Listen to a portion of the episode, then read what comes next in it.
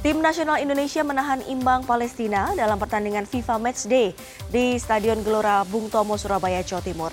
Pelatih Sintayong menilai hasil ini cukup positif bagi skuad Garuda untuk menghadapi pertandingan selanjutnya melawan tim nomor satu dunia Argentina.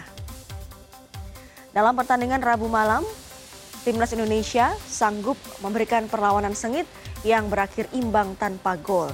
Pertandingan ini diwarnai debut gemilang dua pemain naturalisasi, penyerang 20 tahun Rafael Struik dan gelandang 19 tahun Ivar Jenner. Secara keseluruhan, Sintayong mengaku puas dengan hasil imbang ini dan berjanji skuad Merah Putih akan bermain lebih bagus saat menghadapi Argentina di Stadion Utama Gelora Bung Karno, Jakarta 19 Juni nanti.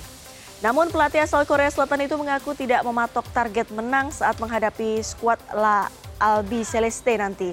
Menurutnya yang terpenting para pemain mengeluarkan kemampuan terbaik di lapangan.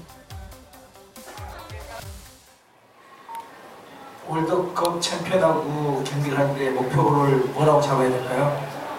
어, 아시면 한번 다시 제가 여쭙고 싶네.